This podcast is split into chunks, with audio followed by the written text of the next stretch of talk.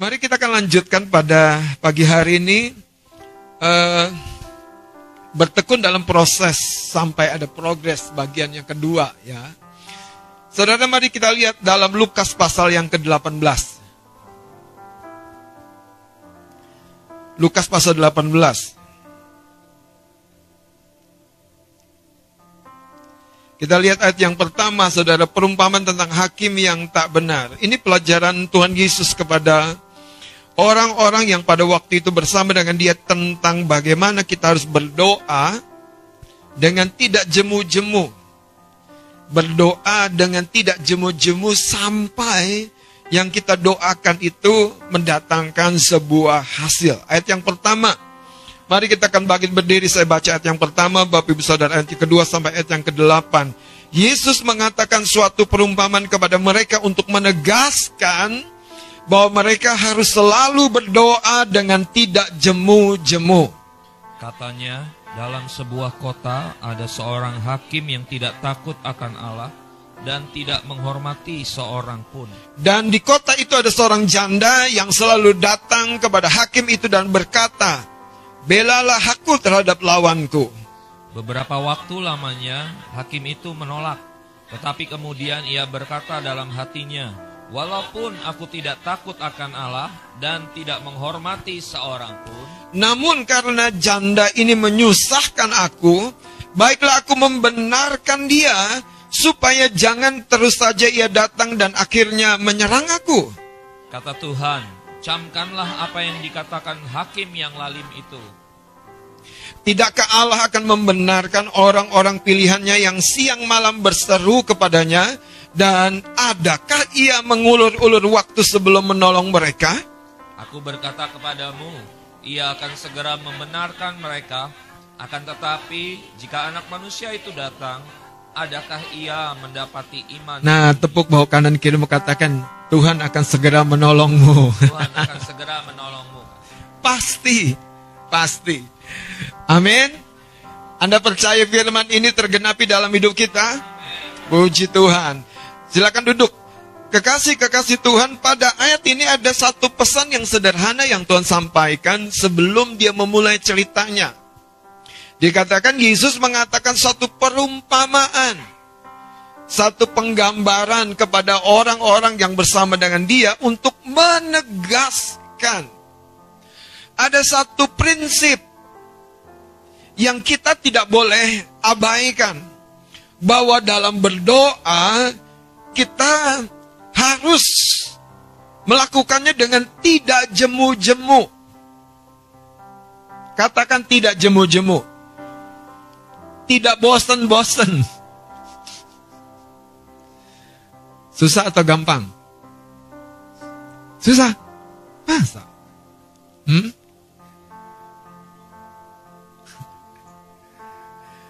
Seandainya Anda diberikan jawaban doanya dulu, terus ayo doa dulu 50 kali. Anda bisa nggak? 100 kali, bisa nggak? Dengerin saya. Anda ingin sesuatu. Terus Tuhan memberikan dulu jawabannya. Nih, kamu terima. Kamu pasti Pasti, pasti. Wong udah dikasih. Terima nih. Sekarang syaratnya cuman kamu berdoa seratus kali. Anda lakukan nggak? Oke. Seribu kali Anda lakukan nggak? Tinggal dihitung toh. Kenapa Anda lakukan? Masalahnya di mana? Masalahnya di mana? Seringkali masalahnya itu saudara, cara kita melihat kepada janji Tuhan. Berdoalah bukan seolah-olah. Berdoalah dengan prinsip iman. Bahwa apa yang Anda minta itu yang memang sesuai dengan kehendak Allah. Sudah Anda dapatkan, sudah Anda terima. Mau dibilang seratus kali, oke Tuhan, siap. Seribu kali, siap? Siap Tuhan. Pagi, siang, malam? Siap? Di sinilah ini yang saya mau bilang. Ada banyak orang tuh hanya punya keinginan, tapi dia tidak punya tujuan. Setiap orang yang menetapkan dirinya dengan sebuah tujuan, dia akan rela bertekun. Dia akan siap saudara bertarung. Dia akan memberi sebuah kontribusi yang terbaik.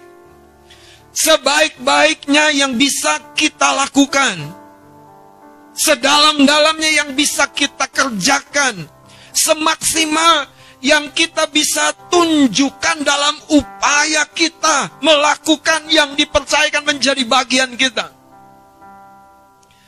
Saudara, pada waktu saya mengerjakan bagian saya sebagai seorang mahasiswa,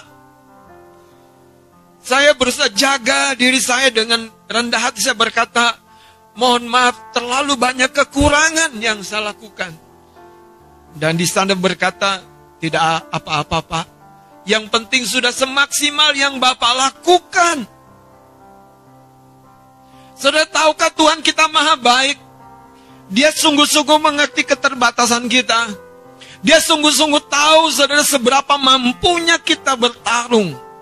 Dia tahu, tetapi waktu kita, ya Tuhan, seribu kali.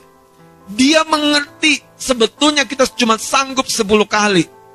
Tapi waktu Anda berkata Tuhan, semampu yang aku bisa lakukan, aku akan kerjakan. Tetapi aku percaya engkau ya dan amin dengan perkataanmu, firman.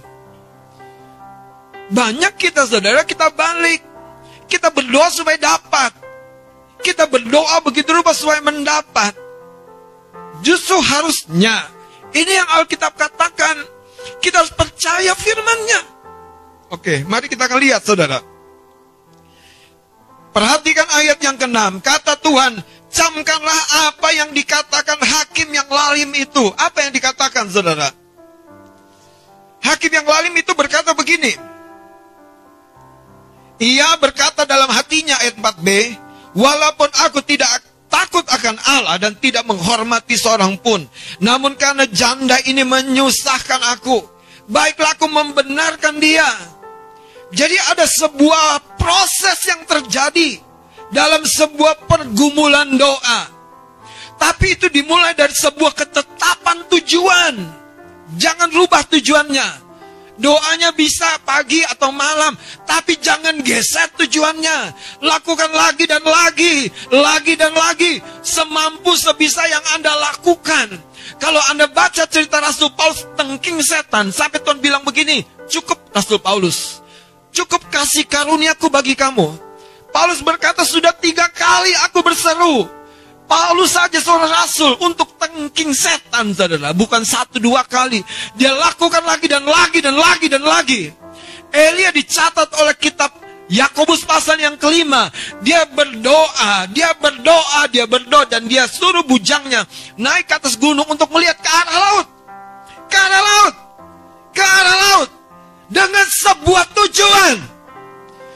Saya percaya dalam persepsi saya Ketika Elia berdoa dan meminta bujangnya melihat ke arah laut, dia percaya dari sana uap air itu akan naik dan dari sana Tuhan akan mengirimkan awan yang membawa hujan. Artinya saudara, Eli sedang berdoa untuk sebuah target, sebuah tujuan, sebuah keyakinan yang dia pegang teguh.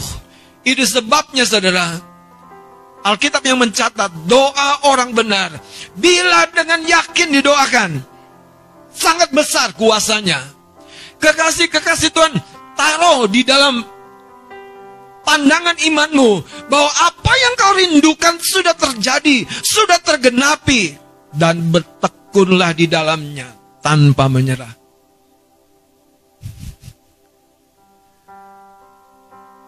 Haleluya. Anda percaya kepada pribadi yang mana engkau berdoa, dia mendengar doamu? Bertekunlah berdoa. Anda percaya dia tidak pernah tertidur, apalagi terlelap. Anda tahu terlelap, geledek itu tidak membangunkanmu. Bahkan pencuri saja tidak membangunkanmu. Bahkan dia colek-colek aja, eh aku mau rampok kamu. Anda anda begitu nikmatnya. Dia Tuhan yang tidak terlelap. Artinya saudara, dia sensitif. Dia sensitif dengan pribadimu. Dia sensitif saudara. Lihat Yesus berkata, camkanlah apa yang dikatakan hakim yang lalim itu. Ayat tujuhnya. Tidakkah Allah akan membenarkan orang-orang pilihannya yang bagaimana? Yang siang dan malam. Katakan siang dan malam. Sadar ini juga bicara tentang dosis. Ini bicara takaran. Dan inilah yang sebetulnya kita perlu miliki. Satu ketekunan, daya juang dalam berdoa. Gak usah ngomong berapa lama. Lakukan lagi dan lagi saja. Jangan bikin komplikasi ayat ini. Ayat ini tidak bilang pagi satu jam, sore satu jam ya. Anda garuk-garuk kepala. Kapan aku masaknya Tuhan? Kapan ngurus anaknya Tuhan? Saya memberitahu saudara, dia hanya ingin mendapati sebuah iman di dalam ketekunan kita. Lanjut. Itu sebabnya dia berkata begini, tidakkah Allah akan membenarkan orang-orang pilihannya yang siang malam berseru kepadanya dan adakah ia mengulur-ulur waktu sebelum menolong mereka? Aku berkata kepadamu, ia akan segera membenarkan mereka. Akan tetapi jika anak manusia itu datang, adakah ia mendapati iman di bumi? Saudara lihat ayat yang ketujuh dan ke-8. Ada satu hal yang menjadi poin penting di sini. Anda harus izinkan dirimu berproses dalam waktu. Dalam waktu. Berproses dalam waktu. Jadi Anda jangan tinggalkan waktu itu. Kalau Anda mulai pijit stopwatch Anda untuk doa 15 menit, targetkan, deal, goal, bahkan lebihkan, tingkatkan, optimalkan. Kalau Anda targetkan latihan musik, saudara, setengah jam, jangan bikin jadi 15 menit, baru siapin gitar aja. Udah 10 menit. Saudara, tidak ada seorang maestro maestro ya. Seorang yang piawai, yang ahli dalam bidangnya, yang tidak melewati proses yang namanya ketekunan. Tidak ada. Dalam pribadi seorang entrepreneur, seorang yang sukses, ada yang namanya disiplin dan ketekunan. Wah, kenapa orang Kristen begitu lemah? Kenapa anak-anak Tuhan selalu tawar-menawar? Kenapa mereka tidak mengambil tadi satu prinsip? Yesus sendiri berkata, berdoa dengan tidak jemu-jemu. Lihat ayat yang ke-8, aku berkata kepadamu, ia akan segera membenarkan mereka. Akan tetapi jika anak manusia itu datang, adakah ia mendapati iman di bumi? Kekasih-kekasih Tuhan, tujuan, mimpi, visi yang sebesar apa pun, itu membutuhkan proses. Dan di dalam berproses itu ada waktu dan ada dirimu yang menjalankannya. Nah, dua hal ini, engkau cermat melihat waktu. Engkau cermat melihat dirimu. Kalau engkau tidak cermat melihat waktu, kau akan kehilangan momentum. Kalau Anda mau jadi tukang ojek payung, anda perhatikan, udah mendung nih. Ambil payung tiga buah di rumah. Kok nggak satu? Ya jelas lah. Satu untuk tukang uh, uh, pelangganmu, satu buat dirimu, satu buat cadangan. Jangan bawa satu, terus Anda kasih pelangganmu, Anda kehujanan. Saudara harus sigap berproses dengan waktu dan dengan dirimu. Kalau Anda melewati waktu itu dan Anda tidak melihat progres di dalam dirimu, harus berhenti sejenak dan melihat kembali ada sesuatu yang perlu dipersiapkan, dikelola ulang, diselaraskan. Kalau mobil Anda itu perlu dibalancing, dispuring. Bapak-bapak yang yang ke servis kendaraan tahu, itu penting sekali. Penting sekali. Pertanyaan saya berapa banyak kita aware, ngeh dengan waktu dan diri kita yang Tuhan beri dalam proses itu sampai ada progres. Kenapa saya katakan demikian? Saudara, Elia berdoa lagi. Dia yang berdoa, bukan Bu. Katakan aku yang berdoa. Bukan pasanganku. Ya dia puji Tuhan doain aku. Katakan aku yang berdoa. Bukan hanya pendetaku. Haleluya. Aku yang berdoa. Saudara dirimu harus mengalami progres. Dari inward, dari manusia yang di dalam ini. Maka outwardnya, hal yang di luar itu akan terjadi. Tanpa sebuah kedisiplinan, tanpa sebuah tekad. Nggak usah seorang bodybuilding, seorang tukang masak aja. Itu perlu memperhatikan bagaimana dia berproses. Dia perlu perhatikan apa yang dia perlu persiapkan sebelum dia memulai di starting. Ada tahu yang namanya kompor, bisa kepanasan, bisa kurang panas.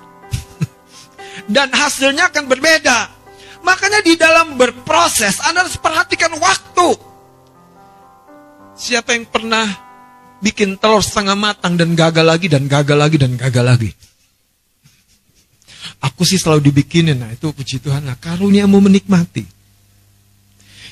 Tapi saudara di dalam proses itu ada waktu yang harus diperhatikan. Karena kita tidak tahu di dalam telur itu apa yang sedang terjadi. Anda tidak tahu apa yang terjadi dalam rohani ini. Anda tidak tahu saudara sampai apa yang Anda yakini terjadi. Sayangnya banyak orang mengabaikan waktu dan dirinya yang sebetulnya harusnya berproses dan mengalami kemajuan dan kemajuan dan kemajuan dan kemajuan. Katakan amin.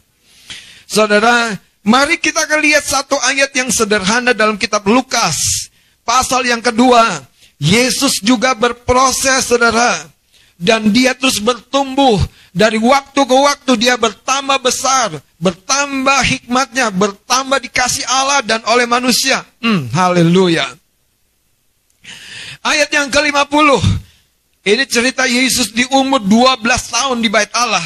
Setelah dia jum, dia dijumpai oleh orang tua jasmaninya, ayat 50 saya baca, tetapi mereka tidak mengerti apa yang dikatakannya, apa yang dikatakan Yesus kepada mereka. Lalu Yesus pulang bersama-sama mereka ke Nazaret. Dan ia tetap hidup dalam apa? Dalam asuhan, dalam asuhan. Ini prosesnya, saudara. Sekali lagi tidak ada mutiara dihasilkan semalam. Tidak ada mutiara dengan begitu indahnya dibentuk hanya semalam.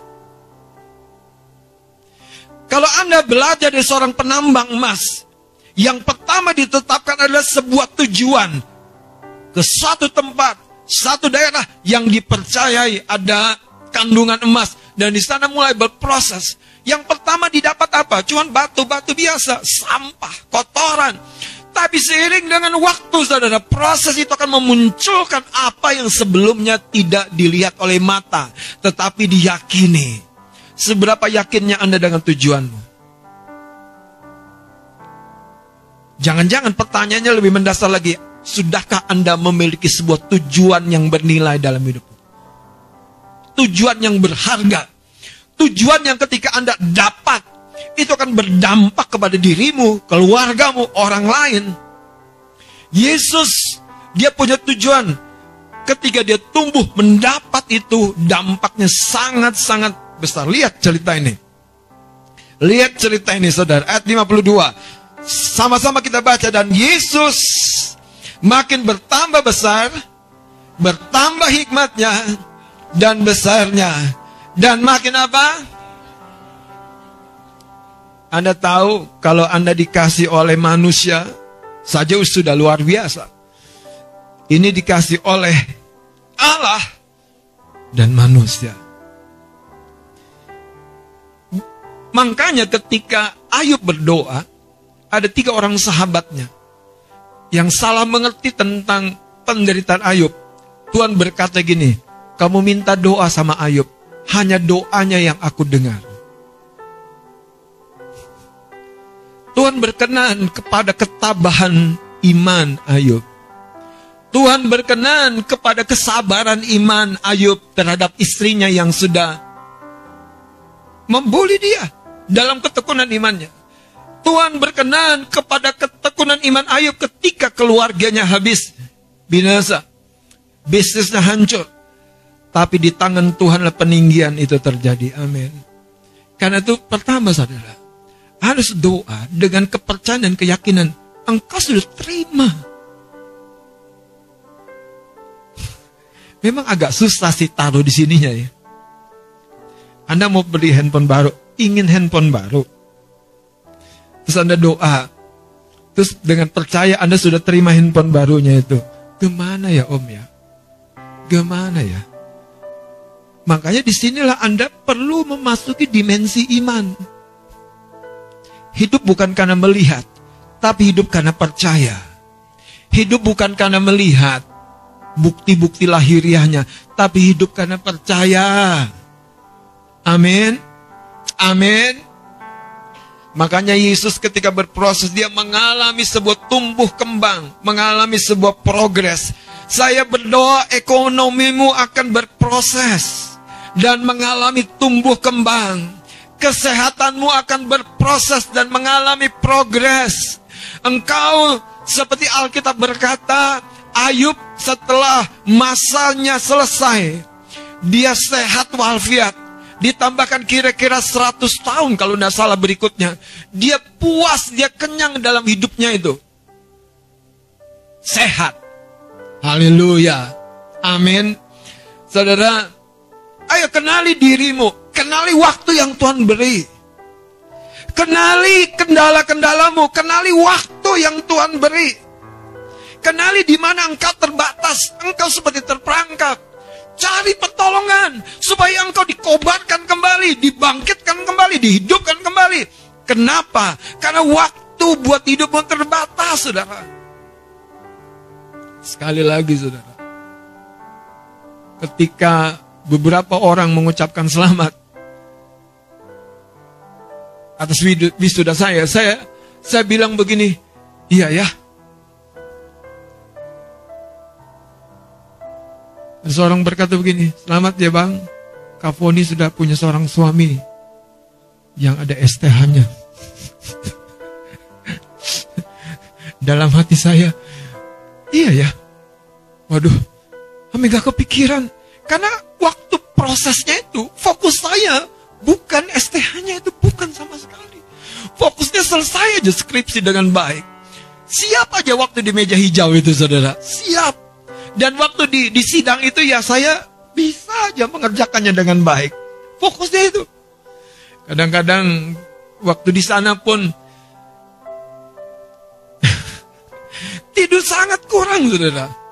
Sehingga kalau setiap foto, foto bersama, foto berdua, isi saya selalu bilang, melotot, melotot pak. Kenapa melotot? Karena sudah sangat kurang tidur, kurang. Tapi itu yang namanya tadi saya bilang, perhatikan dirimu. Terima itu. Itu hanya sementara. Itu hanya sementara.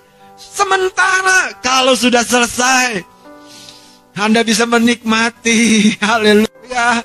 Bantal gulingmu yang paling nyaman itu. Haleluya.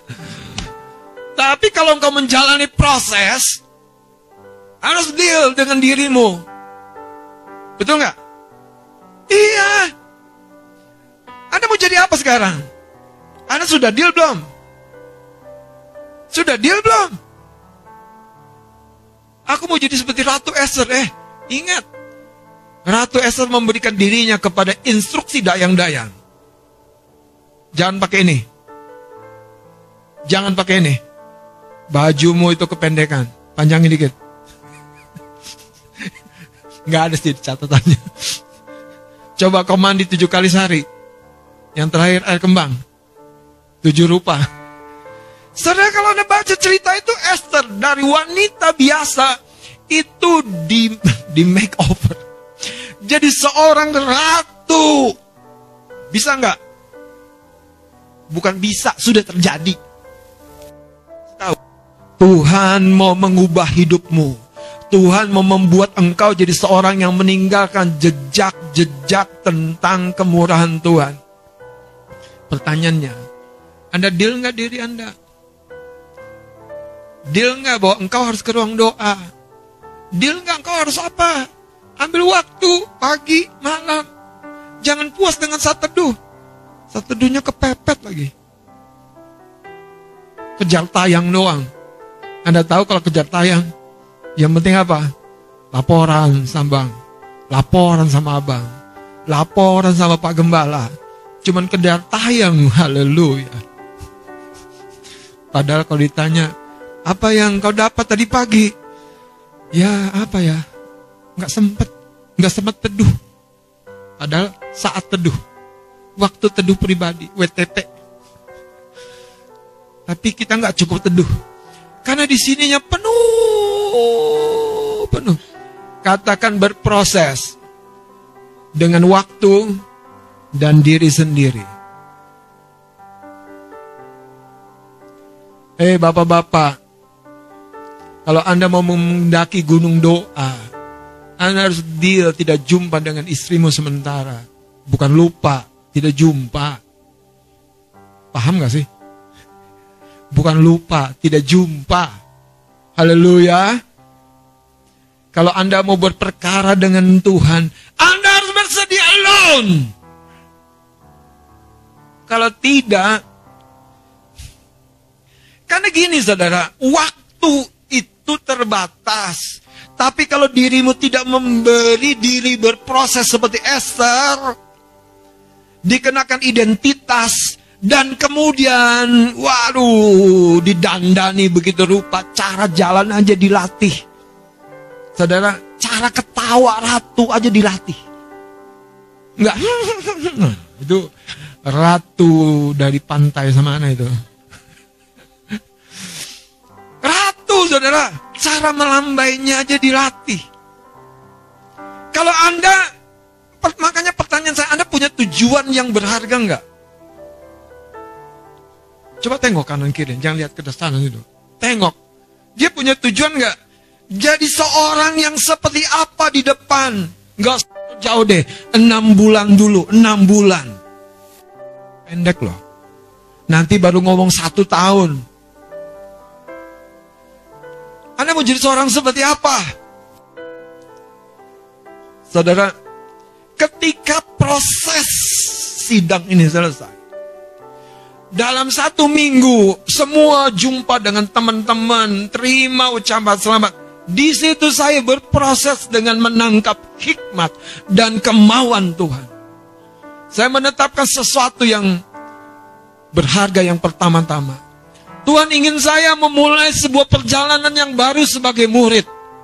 Bukan selesai. Dikalungin sih enak kayaknya megah.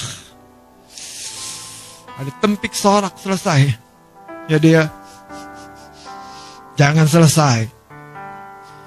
Saya berkata ini perjalanan baru dalam diri saya sebagai seorang murid. Kenapa? Karena Tuhan belum selesai. Saudara, ada talenta-talenta yang selama ini mungkin baru dua, belum empat, belum delapan. Ada talenta yang masih lima. Susah sekali bermultiplikasi. Saya berdoa tahun ini kita akan mengalami multiplikasi. Di setiap apa yang Tuhan percayakan pada dirimu. Saya mau beritahu saudara. Kalau dirimu mengalami progres yang di luarnya itu pasti saudara. Pasti engkau terima. Kembali kepada Lukas pasal yang ke-8. Lukas pasal 18. Lihat apa yang dilakukan oleh janda ini.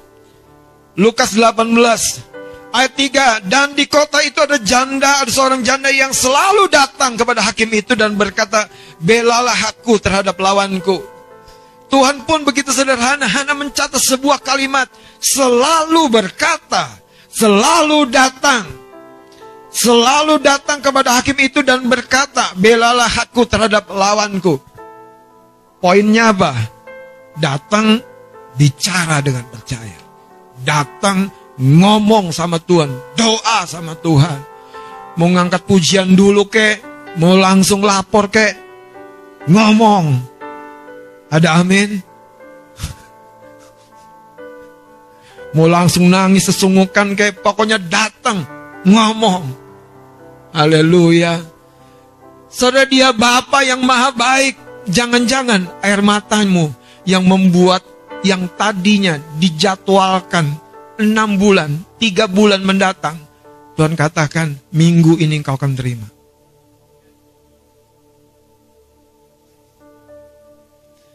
Banyak orang tuh nggak mau sih memposisikan dirinya. Dirinya yang harus berproses dalam waktu. Lihat ayat ini berkata, ayat 4, beberapa waktu lamanya. Makanya jangan cepat patah semangat. Yang baru belajar gitar, jangan C, A minor, D minor, G, F, selesai. Lulus aku bang. Haleluya. Saudara, apakah Anda enggak ingin memuliakan Tuhan dengan talentamu itu? Apakah Anda enggak ingin memuliakan Tuhan dengan seluruh eksistensi dirimu? Perkataanmu, buah pikiranmu, karyamu, bahkan tubuhmu. Masalahnya kembali tadi, adakah pengertian di dalam dirimu? Sehingga engkau mulai berproses. Ayat ini berkata, beberapa waktu lamanya hakim itu menolak. Tetapi kemudian dia berkata dalam hatinya, Walaupun aku tidak takut akan Allah dan tidak menghormati seorang pun, namun karena janda ini menyusahkan aku, baiklah aku membenarkan dia. Baiklah aku membenarkan dia. Dan singkat cerita, Yesus sendiri berkata, ayat 6-nya, camkanlah apa yang dikatakan hakim yang lalim itu. Apa? Apa sih yang dikatakan hakim yang lalim itu? Walaupun aku yang menentukan, Anda paham? Walaupun Tuhan berdaulat, aku yang menentukan. Walaupun aku mau waktunya nanti, nanti dan nanti. Tapi karena, tetapi karena selalu ada sebab akibat. Tetapi karena, katakan karena janda ini, pribadi ini, janda ini menggambarkan apa? Kelemahan. Janda ini seorang yang tidak punya lagi sandaran. Janda ini menggambarkan kesendirian. Janda ini menggambarkan seorang yang sebetulnya apa-apa kalau dalam konsep Alkitab.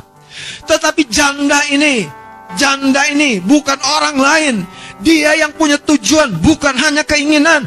Lagi dan lagi, datang kepada janda, datang kepada hakim. Yang tidak takut akan Allah itu. Kekasih-kekasih Tuhan. Mari kita luangkan waktu sungguh-sungguh bertekun dalam proses sampai ada apa?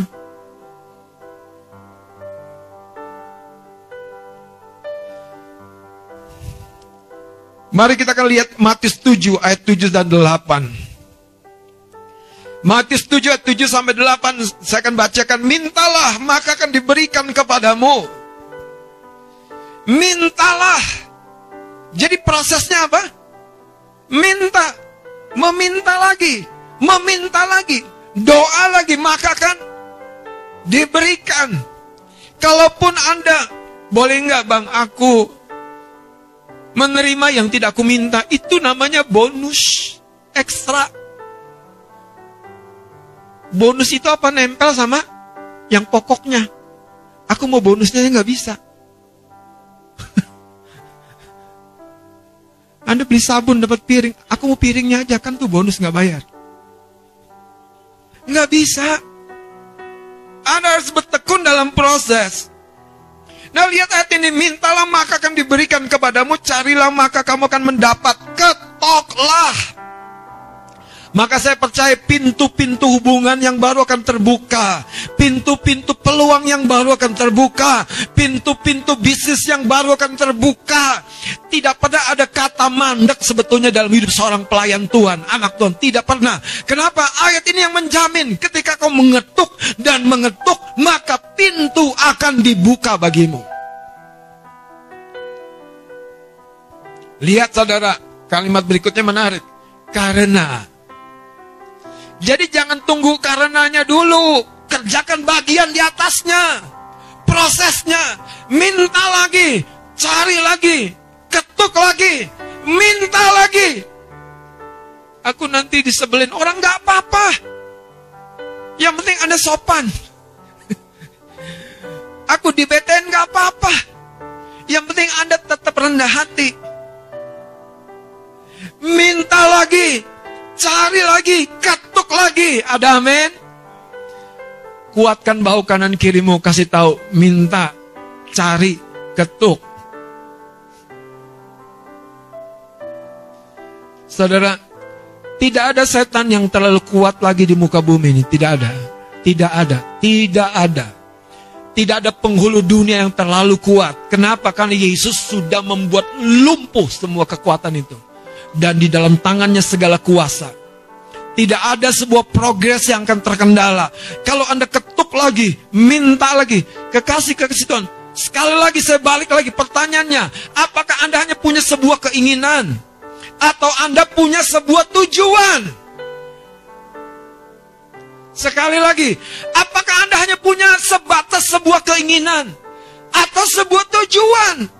Seorang yang punya tujuan seperti janda ini akan bertekun dalam prosesnya. Lagi dan lagi datang kepada hakim yang tidak takut akan Allah itu. Bertekun dalam tujuanmu. Ada amin. Karena waktunya akan tiba, engkau akan menuai apa yang kau tabur.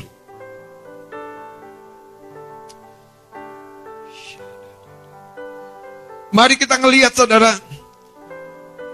Kita perhatapan tiga ayat yang ke-25 sampai 30. Ini sebuah kabar penghiburan bagi orang-orang yang bertekun ketika harus sendiri. Ketika harus melawan dirinya sendiri. Ketika harus berdoa sekalipun sudah jenuh.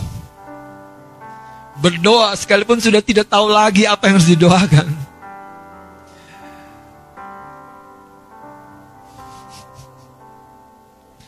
Bersyukurnya ruang doa tuh begini saudara. Kondisi eksternal itu mengingatkan kita apa yang kita harus lakukan di internal. Kelebihannya jam doa. Misalnya nih Anda tetapkan jam 10 sampai jam 11 jam doa. Kondisi eksternal itu menolong yang internal ini terbangun. Saudara, kalau Anda disebut sarjana, itu kan kondisi eksternal. Tapi mengingatkan yang di dalam ini, jadilah seorang yang sepatutnya. Jadi hukum-hukum itu gunanya seperti itu. Untuk mengkondisikan yang di dalam. Eh, ingat, jangan lebih daripada 80 km per jam. Ada aturannya. Di tol tertentu tidak bisa. Jadi kondisi-kondisi eksternal itu tetap perlu dalam berproses. Ini poin yang terakhir. Bersediakah Anda didisiplin? Bersediakah Anda didisiplin?